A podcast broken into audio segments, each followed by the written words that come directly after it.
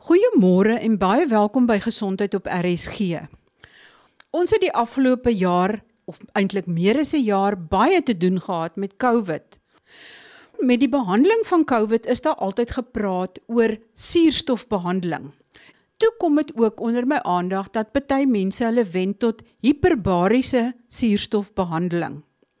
En ander het weer navraag gerig oor osoonbehandeling.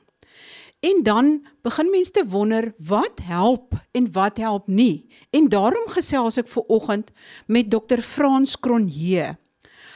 Hy is president van die SA Onderwater en Hiperbariese Mediese Vereniging en hy's ook 'n raadslid, stigter en voormalige president van die Divers Alert Netwerk en hy het meer as 27 jaar ondervinding in hiperbariese suurstofterapie wondgeneeskunde met suurstof en ook in lugvaartgeneeskunde.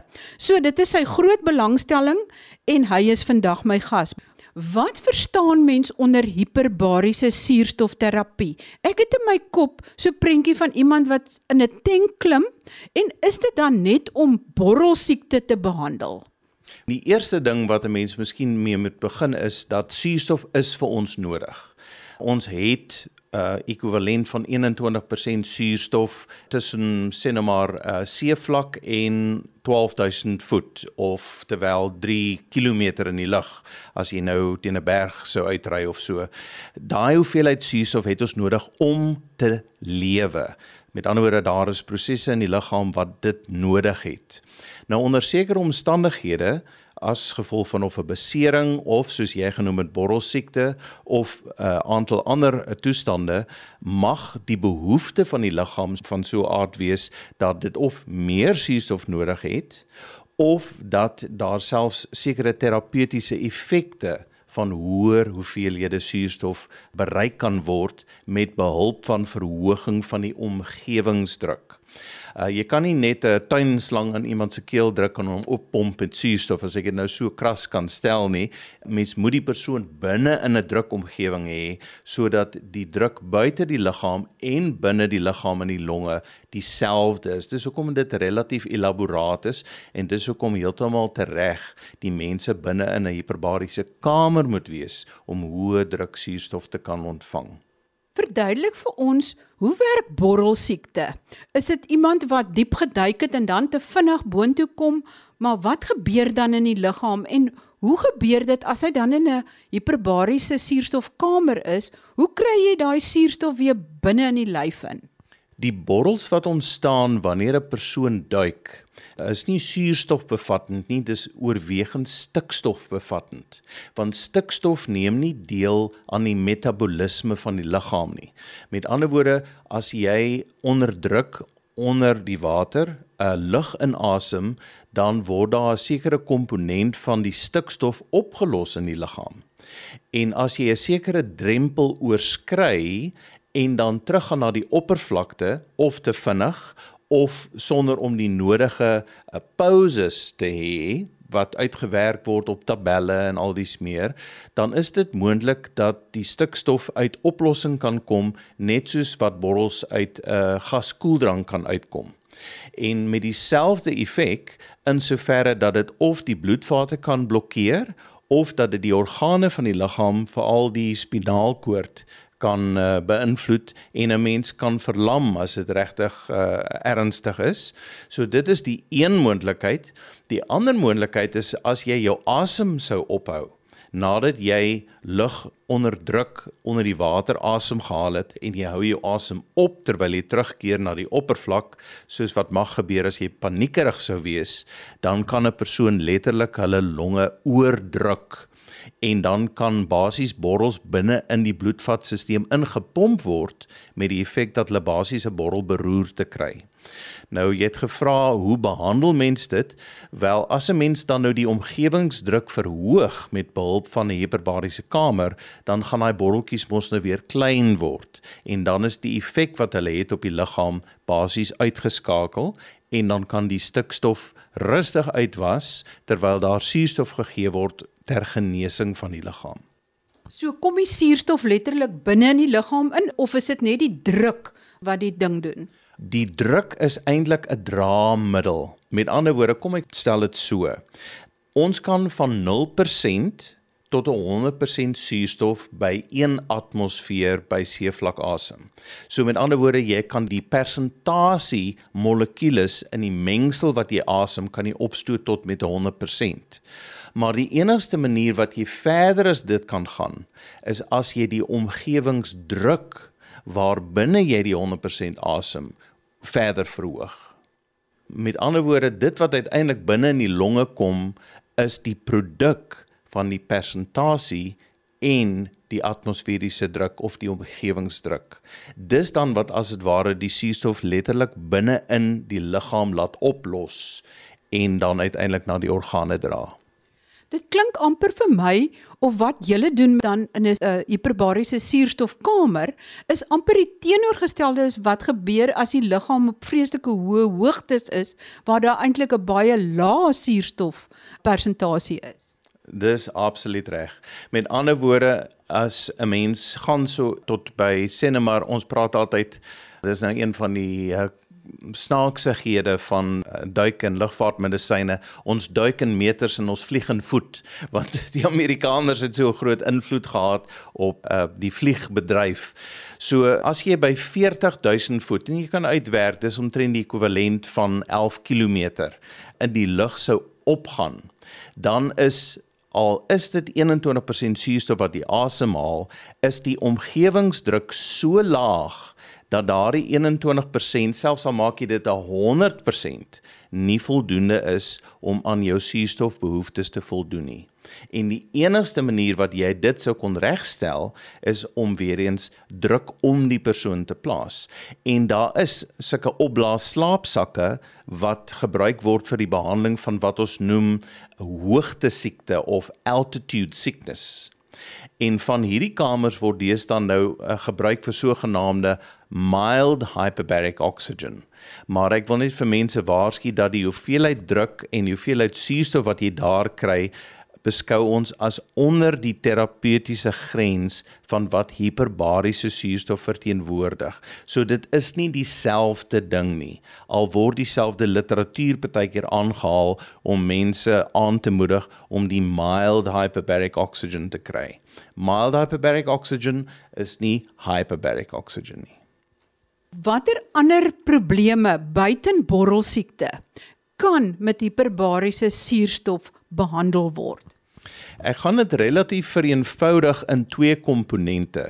Die een is waar daar 'n relatiewe gebrek aan suurstof is en die ander is waar ons suurstof eintlik as dit ware as 'n stimulant gebruik om wondgenesing te herstel. So, as ons kyk na suurstofgebrek, kyk ons na natuurlik die borrelberoertes wat ek genoem het, waar die borrels dan natuurlik bloed uit die brein uit hou, maar ook vergruisingsbeserings of sekere diabetiese of arteriële wonde of situasies waar 'n mens byvoorbeeld in die oog uh skielik 'n bloedklont kry en jy's blind want die bloed kan nie verby die klont kom nie.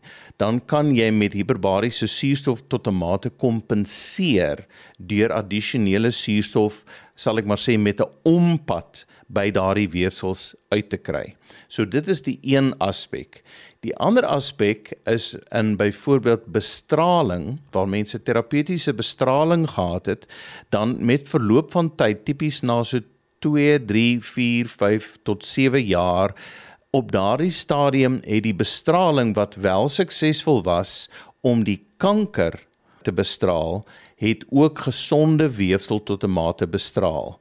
Maar uit die aard van hoe die bestralingsarea uiteengesit word of uiteengewerk word, gebeur dit dat daar 'n baie geleidelike gradiënt van kom ons noem dit normale weefsel tot in die middelpunt waar die bestraling die hoogste was. Die effek is dat die liggaam dit nooit erken as 'n wond nie. Dis amper soos die storie van die padda wat jy stadig verhit in die water. Hy weet nooit wanneer om te spring nie. Want hy weet nooit wanneer is die water te warm want die verandering is so geleidelik. Nou op dieselfde manier met daardie tipe wonde eh, tot 'n sekere mate in diabetiese wonde ook is daar nie daardie stimulus om uiteindelik te genees nie. En hiperbariese suurstof wys as dit ware vir die liggaam die kontras tussen dit wat werklik normaal is en dit wat hoogs abnormaal is. En met die gevolg dat met die verloop van 8 tot 13 daaglikse behandelinge mens dan die bloedvate in daardie areas laat ingroei. En as ek nou praat van bloedvate, praat ons van haarvaatjies. Uh, ons groei nie arteries nie. So ons uh, laat die haarvaatjies weer teruggroei in daai area. En gelukkig is dit so dat die vel baie min suurstof nodig het om gesond te bly, maar baie suurstof nodig het as dit verwond is.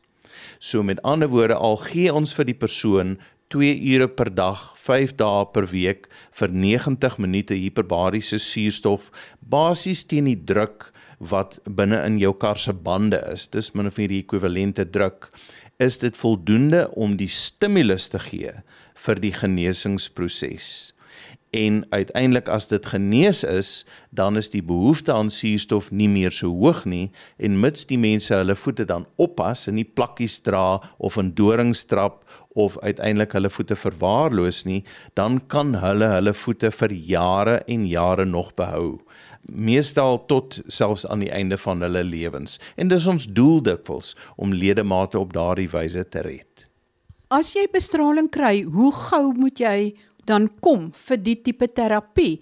Eers nadat alles verby is of 'n paar jaar later of terwyl die bestraling aan die gang is? Ja, die rede uh, waarom ons hiperbariese suurstof doen wanneer ons dit doen is daar moet eers 'n mate van 'n probleem wees voordat 'n mens dit kan oplos. En direk na die periode van bestraling is daar baie keer amper 'n sonbrand tipe beeld. In daardie stadium word suurstof nie gebruik nie. En tussen 4 en 6 weke is die weefsels tot 'n mate weer amper terug na normaal. En dis gewoonlik wanneer byvoorbeeld borsrekonstruksies en die soort van goed gedoen word. Maar na 6 weke tot omtrent 3 maande is die hoeveelheid haarvaatjies in daai area afgetakel tot die mate dat as jy dan begin opereer en of dit beteken jy trek 'n tand in 'n kaak wat bestraal is of jy doen dan verdere rekonstruksie of verdere chirurgie in 'n bestraalde area dan is daar nie meer die potensiaal om te genees nie. En die manier wat 'n mens dan basies die herstel vermoë laat terugkeer min of meer na 80% van wat dit was voor die bestraling is deur middel van hiperbariese suurstofterapie in samewerking met die chirurgie. So ons gee dan 'n aantal behandelings voor die tyd, die chirurgie wat dit ook al is word dan gedoen en ons doen dan 10 of so behandelings na die tyd om te verseker dat dit genees. Is daar 'n manier wat hiperbariese suurstofkamers en terapie 'n rol kan speel in die genesing of die aanhelp van genesing in COVID?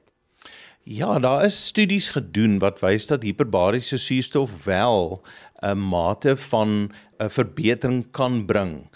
Die dilemma is as volg: Eerstens is daar relatief min hiperbariese kamers en onthou die hele strategie van die lockdowns en al die ander dinge wat gekom het was om te voorkom dat die mediese sisteme oorweldig sou word. Die alternatiewe oplossing wat ontstaan het is dat 'n sogenaamde hoedtentstelsel ontwikkel is wat tot en met 40 cm water addisionele druk kan uh, plaas oor die persoon se kop en dat hulle 100% suurstof asem binne in daardie helmet as mense dan so kan noem en dat dit uh, die suurstof gewoonlik uh, genoegsaam in die liggaam kan inkry dat dit normaliseer of dat 'n mens 'n nasale kanule teen 'n baie hoë vloei stel dat hulle uiteindelik naby 100% suurstof kom. Wat ons nie weet nie is of dit 'n rol te speel het met die kroniese effekte van COVID, maar op hierdie stadium is daar so min kamers en is die bewyse daarvan op hierdie stadium nie sterk genoeg om dit te beskou as 'n standaard behandeling nie en daar is beter alternatiewe. Dokter, wat is die verskil tussen hiperbariese suurstofbehandeling en osoon? Ek dink meeste mense weet dat UV-bestraling beide osoon skep en vernietig en in die proses in ons atmosfeer ons beskerm teen ultraviolet lig die gat in die ozon wat ons almal oor praat. Nou molekulêre suurstof wat ons inasem elke dag is O2. Dis twee suurstofmolekules. As dit met ultraviolet lig onder andere of elektrisiteit gestimuleer word, dan kan daar 'n addisionele molekuul by aansluit by die twee, dan word dit O3 maar O3 is nie 'n metabooliese vorm van suurstof nie. Dis 'n hoogs reaktiewe vorm van suurstof en as 'n mens dit byvoorbeeld op 'n wond sou plaas, sou dit die ekwivalente effek hê as byvoorbeeld om 'n bleikmiddel te gebruik. Wat ons egter gevind het is dat wanneer mense erge wonde het en ons hulle 'n suurstofkamer op 3 atmosfere, met ander woorde 3 keer atmosferiese druk plaas en vir hulle in 'n suurstofmilieu gee. Met ander woorde daar's 3 atmosfere se suurstof wat op hulle wonde is. Het ons gevind dat die wonde nie genees nie tensy dit deur die sirkulasie by die wonde kom. Met ander woorde, ons kan uh, onomwonde sê dat die hoeveelheid suurstof wat 'n mens deur die vel se oplos, selfs deur 'n oop wond, uh, onder enige omstandighede nie gaan kan opmaak vir die suurstof wat deur die sirkulasie na 'n wond toe kan gaan nie. So ozon het beslis 'n rol of 'n potensiële rol as 'n ontsmettingsmiddel en trouens daar's die bekommernis dat as 'n mens te veel van die ontsmettingsaktiwiteite gebruik of dit nou uh, met jodium en of dit nou met 'n bleikmiddel en of dit met ozon is, dan gaan jy mettertyd ook gesonde weefsel kan vergiftig en genesing op daai manier belemmer.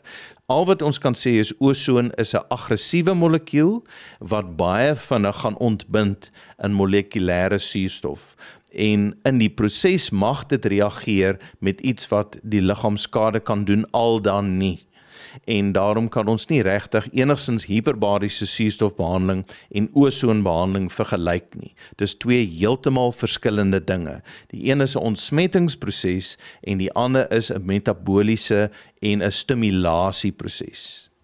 Kan mens ozon inasem? 1% ozon sal 'n persoon binne 'n halfuur doodmaak. Soos ons opgaan in die atmosferiese kolom, soos mense sou dink, is daar meer en meer ozon want dit word gevorm deur die UV lig. Maar omdat die lig in 'n straler deur 'n 'n verhitte turbines gaan, word daai ozon afgebreek en dit wat in die kajuit uitkom is dan uiteindelik molekulêre suurstof en dis hoekom dit nie 'n probleem is nie. Maar ozon in sigself is giftig. En as jy, soos ek sê, uh 1% ozon sou inasem uh vir 'n uh, periode van 'n halfuur, dan gaan jy respiratoriese nood kry wat basies gaan lyk soos wat 'n mens met COVID het, waar jou longe net nie meer um uh, suurstof kan absorbeer nie, die ozonbehandeling wat tipies gegee word word deur water geborrel of op ander wyse gegee. So die konsentrasie ozon wat in die kommersiële beskikbare apparate gegee word is nie op daai persentasie nie. Dit is minder as 1%. So dit word op veilige hoeveelhede gegee, maar mense moet beslis verstaan dat ozon is 'n suurstofradikaal. Met ander woorde, dit is iets wat weefsel sal kan beskadig en dit behoort op 'n verantwoordelike manier gebruik te word en mense moet uh, regtig kundig en mediese raad gebruik as hulle op enige ander manier ozon gebruik as wat deur die vervaardigers van die apparate aanbeveel word. Help dit? Is dit voldoende om terapeuties te wees? Uh, dis 'n moeilike vraag om te antwoord. Dit klink asof daar mense is wat 'n uh, voordeel daaruit gekry het. Daar is op hierdie stadium nie voldoende wetenskaplike getuienis dat dit werk nie, maar soos ek altyd sê, ek wil nie mense se se ballonnetjies bars nie. As hulle vind dat hulle baat vind en hulle nie finansiëel uitgebuit word nie, dan wil ek nie vir hulle dit wat hulle glo vir hulle help en waar hulle verligting ervaar vir hulle ontsê nie. Maar mens wil baie versigtig wees as 'n mens ehm, 'n um, blanko cheque wil teken as dit ware en sê kyk ozon is 'n standaard behandeling vir COVID, want dit is dit beslis nie. Jy het nou self die deur oopgemaak na 'n baie aktuële punt. En dit is as mens so hoog in die lug in 'n vliegtyg is, is die osoon so baie dat jy eintlik nie kan oorleef nie. Nou hoe het daai een wat homself versteek het in die wielruimte, het hy oorleef? Ek bedoel mense dink aan uiterste koue, mense dink aan die osoon, al was die koue daar en al was die ander aspekte ook ter sprake sou hy uh, letterlik versmoor het tensy die suurstof aangevul is. En as die suurstof aangevul is is die enigste manier wat dit sou kon gebeur indien dit gekom het van dieselfde bron as wat die res van die passasiers geasem het. So vir daardie rede sou die persoon nie osoonvergiftiging gekry het nie.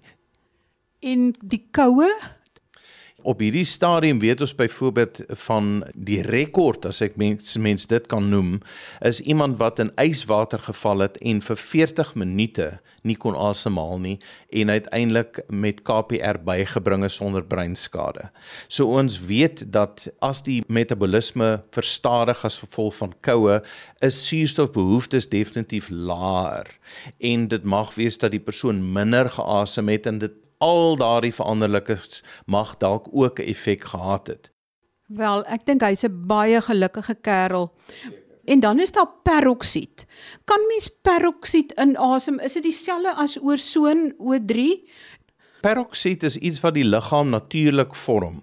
Wat basies gebeur soos wat ons liggame energie skep word molekulêre suurstof mettertyd omgeskakel na water en in die proses word dit eers sogenaamde superoksied, dan peroksied, dan hidroksiel en dan water.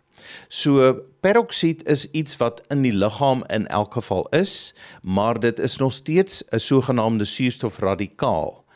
Effek daarvan is dat net soos in die geval van osoon, dit wel 'n uh, effek sal hê op byvoorbeeld selle of bakterieë of enige struktuur sal dit oksideer.